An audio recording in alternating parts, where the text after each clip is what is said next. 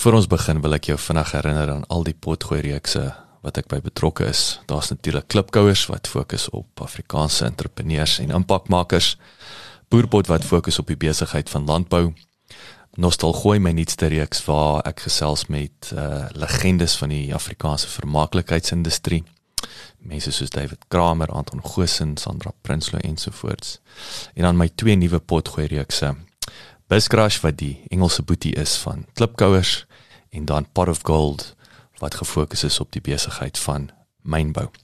As jy in Pretoria is, kom maak gerus 'n draai hierop by ons plek uh, in die R21 Corporate Park genaamd Bouma 21 waar ons 'n kafee het, ons het co-working space, ons hierdie uh uh um, raadsaal uit en my ateljee is. So as jy is, kom drink gerus 'n koffie en kom sê hallo.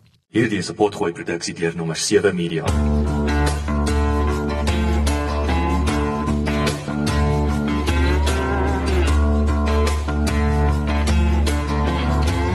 Hierdie is potgooi 7 van 8 episode van Agri SA se 2019 kongres.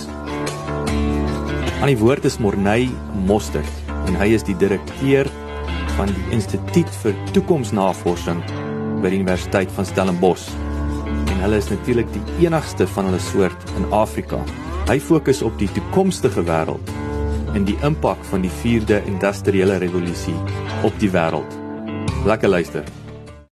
Ladies and gentlemen, good afternoon. Goeiemiddag. It's fantastic to meet you. Um, I can rest assured that no one was paying attention to the CV while you were waiting. So uh, I applaud your applause um, in anticipation of my talk, which for us as futurists is a strange thing, you know.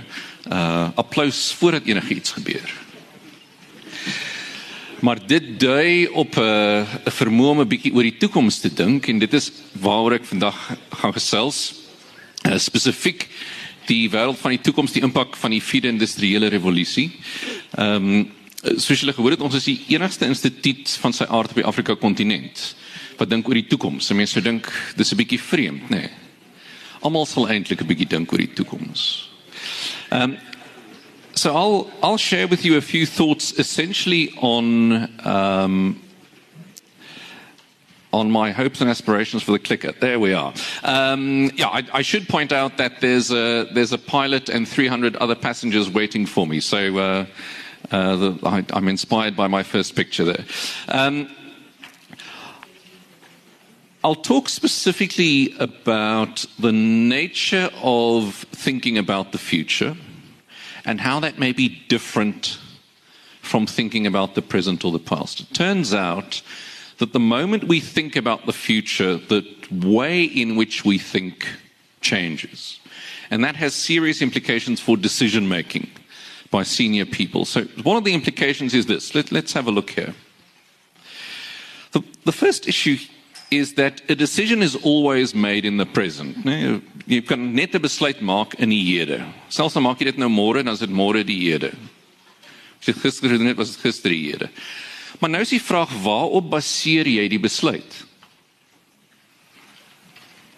En dit klink dalk 'n bietjie van selfsprekend, maar jy baseer dit op die verlede. So dis nou alreeds 'n bietjie interessant.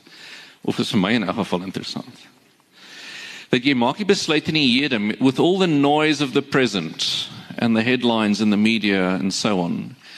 And you're essentially basing that on a time that you'll never visit again. The real kicker is what are you making? When are you making the decision for?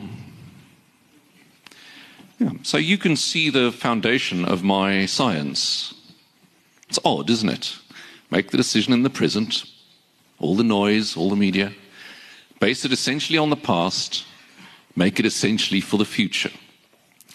So, the way that we make decisions for the future, it turns out that's a bit of a science. And there's a, there's a three year postgraduate program you can come and do if you like.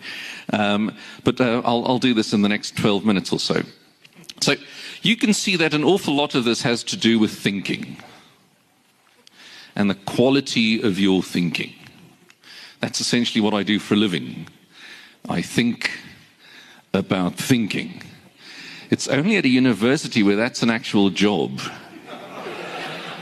Uh, you know, your boss phones you. What are you doing? I'm thinking. What are you thinking about? I'm thinking about some thinking. Good. I'm glad, glad to see you're working. but h- how does that then work? I mean, what do you what do you actually do? Is there a method for this? Um, and we have a, a, a rule of thumb. Is there an Afrikaans translation for a rule of thumb? Rule of thumb is a a duim 'n duimreël. Het die ander vingers ook reëls?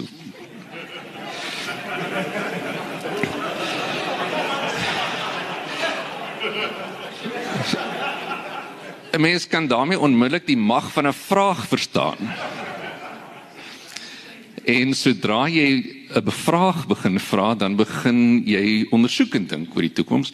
En ons sê byvoorbeeld dat as jy as jy begin vra vra oor die toekoms, dan verander die toekoms. As jy nie vra vra oor die toekoms nie, wat dan met jou gebeur is jy eindig in iemand anders se toekoms op. Want iemand anders het vrae gevra oor die toekoms terwyl dit vir jou die hede was. So ons het so. A rule of thumb that says you should spend about 20% of your intellectual energy on the past and about 30% on the present and at least 50% on what hasn't happened yet. What hasn't happened yet. And so, on, of course, the past is important. It's undeniably important. On that 20%, we have a, a little acronym, acron, acronym uh, that we call OPATCH, sort of quick abbreviation. The O is for origins. It turns out the origins of things stick around into the future quite a bit. So, if you think about your origins, the origins of your farm or your business or origins of South Africa, whenever you think that was. It turns out that just doesn't go away the moment new technology arrives. The P is for patterns. How do we typically do things? The A is for attitudes. How do we approach this thing? The T is for traditions. Um, you'll see in, in political decision making, for example, these elements are critically important. The C is for culture, and the H is for habit. Habit. And it turns out, well, let's think about that for a moment. I do this for a living, uh, as I warned you. So you think about what is a habit? Well, one way to think about a habit is that it's something you do without thinking. So if you accept my idea that the habit is something you do without thinking, well, then what is a thinking habit? Well, that means that you think that you're thinking, but you're not really thinking, you're just copying outdated thinking. And then we say spend 30% of your intellectual time on what's going on right now. And that's sometimes not difficult to do because the media pushes things in your way. But what, what we say is you need to look at, look at the present in what we call a transdisciplinary way. In other words, beyond your own discipline. Beyond your own discipline. That's a really important element because as you, if you look at how the technology is developed, you know, the, the guys who invented search, like Google and Yahoo, uh, remember Yahoo? Um, neither can they. Um, they were not the guys who won in the social media game. And the social media game are not the guys who won in the messaging game. And the messaging guys didn't win in the pay game. In other words, um, it's important to think beyond your own industry to understand who's coming for you and who you need to compete against. And then at least 50% of your intellectual energy on what hasn't happened yet. Two key things here what could happen, what should happen. What could happen, what should happen. If you think I'm making it all up, that's not true. I'm only making up some of it. Um, most of it is the foundation, is, is really uh, has the foundation of some very solid research. Here's an article um, based on uh, 70 uh, large listed organizations, and they were studied over many years, and the conclusion is what you might expect. Organizations that look at the future consistently outperform organizations that don't look at the future. Surprise.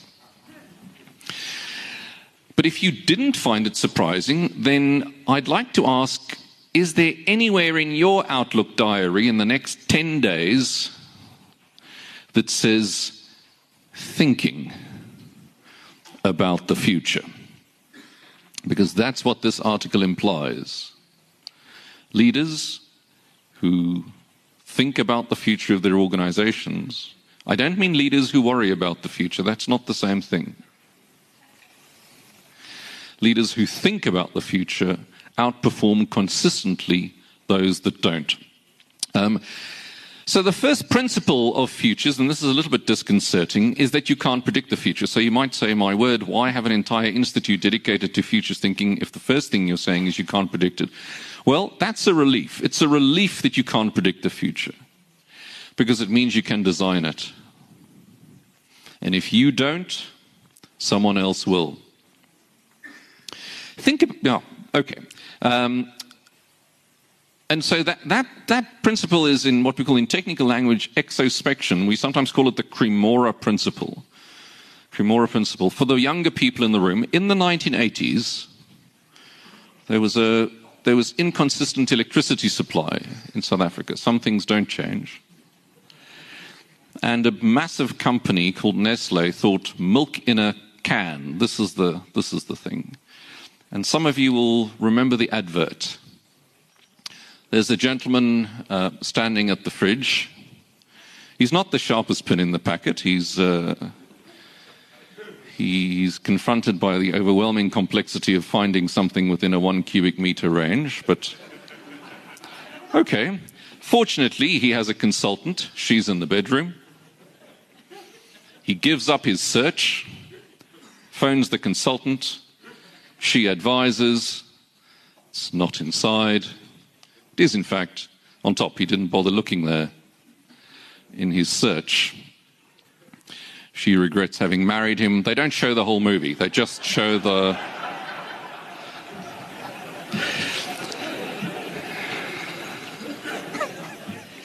to be continued. Um, we call it the Cremora principle because the, the idea is you need to, it's not inside. It's not in your farm, it's not in your business, it's not, despite what Oprah told you, inside you. You've heard this stuff. You need to look inside you. We think this is a really bad idea. You've seen those movies.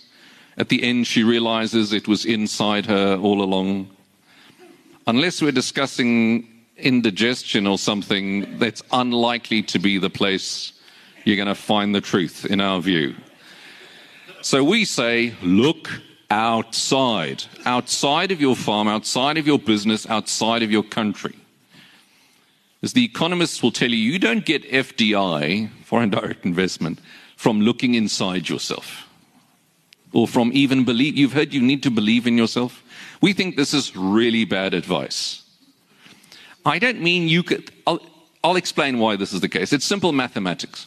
You've heard the, the a lot of this you hear in the sort of the, the like TV chat shows kind of program. You know, it starts with you. You've heard that. That is extremely unlikely. Let me give you a mathematical reason for this. I'm going to give you a multiple choice question. Which one of the following two options is more probable? Option A, it starts with you.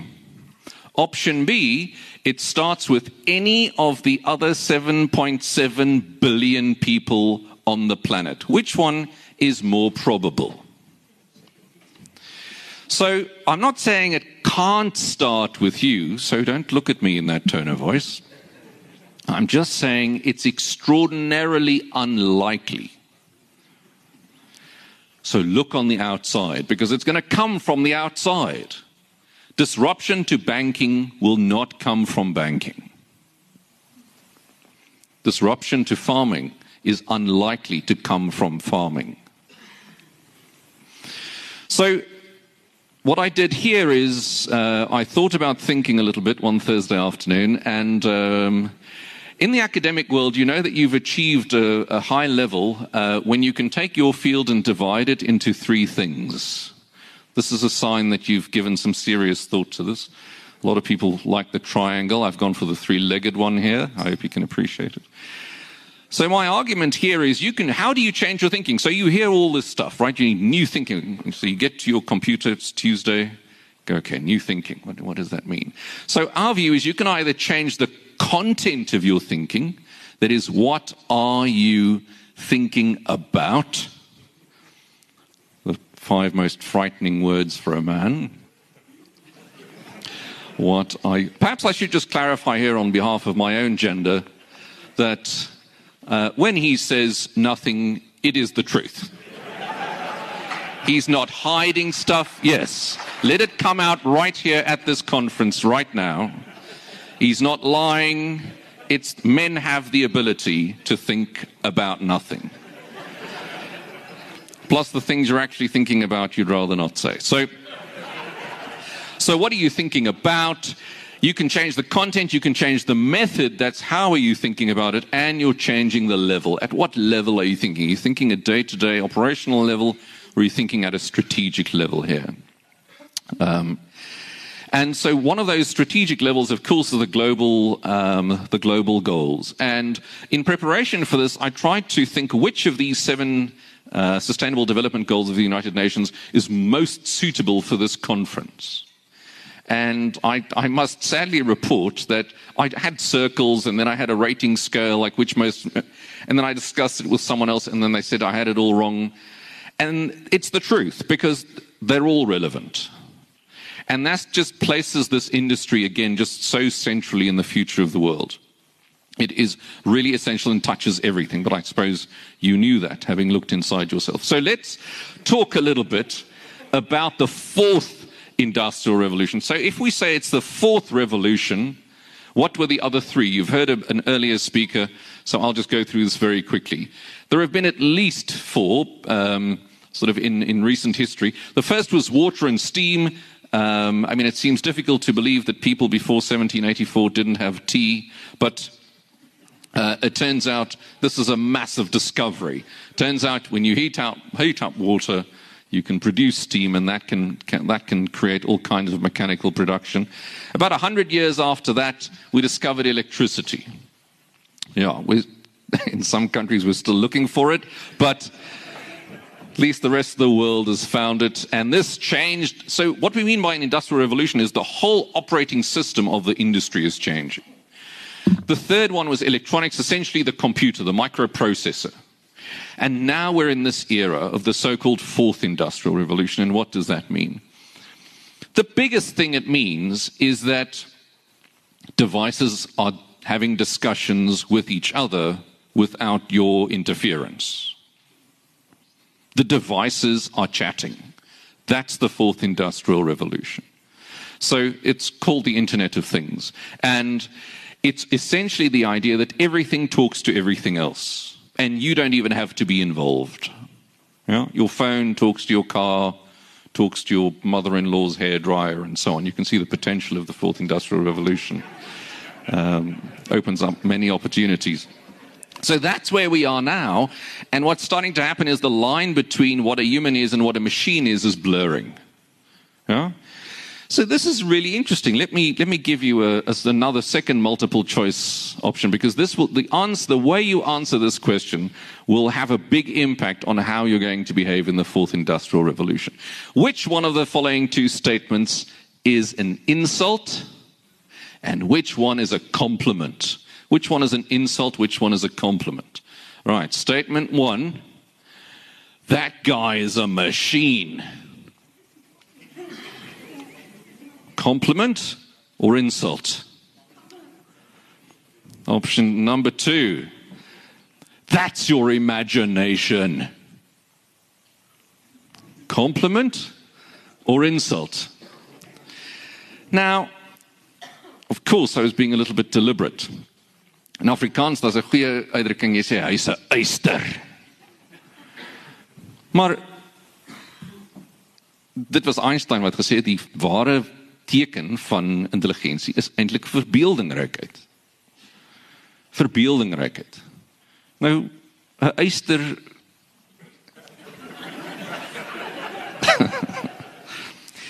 So met ander woorde, die vierde industriële revolusie begin nuwe vrae vra oor wat is 'n mens en wat is 'n boer en so aan. En en wat is die rol van die mens binne en dit is een van die paradoksale elemente van die vierde industriële revolusie. Ons dink dit gaan oor tegnologie en dit is so, maar dit laat ons eintlik nuwe vars vrae vra oor wat is 'n mens? En wat bring die mens eintlik na die situasie toe? Want een van die groot dinge is natuurlik artificial intelligence, kunsmatige intelligensie, but it is absolutely true. And people are worried about jobs and I was fortunate to be on the the International Labour Organization's International Panel of Experts on the Future of Work. And I, made the point there, which I'll make here. The way business works, and people will lose jobs in the very short term, that is absolutely uh, almost undeniable in the short term. Because the issue with artificial intelligence is that business will almost always prefer artificial intelligence over natural stupidity. and you prefer it too. You prefer it too. If you're checking in at the hotel and you'd actually just rather have a machine go, welcome, here's your room number. You know, without wanting to know how was your day and so on. So artificial intelligence is probably the number one. There are a few others, and I'll run through them very quickly. Big data, of course, it just means we have samples now. So, I mean, we've, we worked a lot with the wine guys, for example. If you like, if you grew up and, you, you know, you grow Sauvignon Blanc or whatever, how long does it take you to get 30 years of experience? It takes roughly 30 years. Right. That was a trick question. But with big data, if you've now got data from 10,000 Cabernet Sauvignon vineyards from similar regions from all over the world, how long does it take to get 10,000 years worth of experience? Okay, that's big data. And that's really changing the way that we think about experience. The next is um, disintermediation, which essentially just means that if you play a middleman role, you're dead, the end. If you're not adding anything except being in the middle, then the technology is disintermediating you either already or very soon. The Internet of Things I've spoken about, the idea that everything's connected to everything else. Um, nano, we've already heard about. We can just work at such submicroscopic levels now. It's really quite uh, astonishing. The phenomenon of exponentials, uh, kind of organizations that get to a billion dollars within 18 months, uh, is certainly part of the fourth industrial revolution. And that has all sorts of implications, of course, for, for agriculture. Uh, the thing about trends, typically with futures thinking, is that we over uh, we exaggerate their impact in the short term and underestimate their impact in the long term. We think, oh, the robots are coming, and this is um, this is kind of true about the future, but it also depends on how you think about the future. So um, let's use another. Let's do another experiment. I can tell you're not that interested in my slides. Let's do another. Let's do another experiment. Let's say that um, you get an email that you have a meeting next Wednesday. I'm sorry about this, but this is just life. You have to attend these things. You have a meeting next Wednesday. Your supplier or someone's organized a meeting. Then, two hours later, you get another email saying that the meeting has now been moved forward by two days. On which day is the meeting now? Okay, let's see. How many people think the meeting's on a Monday? We've got a few. How many think it's now on a Friday? Well, clearly the rest of you are just not going to this meeting.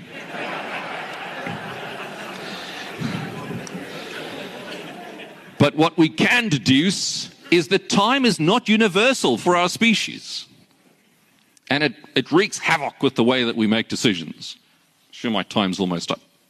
Um, of course, we've heard about drones and telly and so on. It's all the, the idea of from a distance, so I won't uh, bore you with that. Um, wearables are um, maybe fashion accessories for livestock is a bit of a stretch, but um, certainly what's happening is the technology is coming closer to our bodies, and they're now at a point where they're entering. Yeah? They're entering. Um, 3D printing you've heard about, and uh, here generations play a very interesting role. Um, I, play, I, I explained to my 11 year old son the other day these two models. We were having a burger, and I said, Well, in, in the one model, you, you get the baby cow. You can see I'm a I'm an agriculturalist. You get the baby cow. I know nothing about agriculture. You get the baby cow. You, you raise the baby cow. Do you give him a name? No, no, son, this is a bad idea. Why? Because you then send him to an abattoir. Uh, we give it a French name because it makes it sound fancy. And, um, and then you slice it in small pieces and then you eat it. There's also another model where you grow it in a lab. So I, I, gave a few adults that story a few days ago, and they said, A lab, ugh, that's disgusting. I explained it to my son. He said, An abattoir, ugh, that's disgusting. So there's a generational impact here that's clearly coming, and when you superimpose that on the fourth industrial revolution, it will certainly uh, put the cat amongst the pigeons. And then, of course, we've heard about security just a few moments ago, so I won't uh, bore you with that. Um, perhaps uh, I could share with you, we have a conference uh, in a few weeks with the Club of Rome, one of the world's leading think tanks. Um, and this is, this is therefore big drivers of the future. So not so much a 4IR view, but uh, very much focused on climate emergency and uh, we heard from the minister this morning how important that is, and we heard from uh, from uh, Dr. Motsepe how important uh, this idea is that that we give people hope in all sorts of times of crisis. We're, they're working on reframing and reclaiming economics so that we can measure well-being for people beyond GDP, new emerging civilizations. How will we collaborate uh, when borders are becoming unclear and xenophobia as a, a, global threat? And how can we rethink access to finance? So I, I thought I'd just share that with you, just so you can see what some of the guys who think about the future of humanity are keeping themselves busy with. So, colleagues, I'll, I'll conclude um, uh, with the thoughts that y- you can hear our argument. Our argument is that I'm almost there. If you'd give me just one more slide, I would appreciate that. Um, um, yeah, I, am tempted now to say the, the future is a blank open space. Thank you very much. Goodbye. But um, um I, will nevertheless um, leave you with the thought that, um, as you can perhaps hear, that our view is that those who know where they come from also know where they've been. You've been kind. Thank you.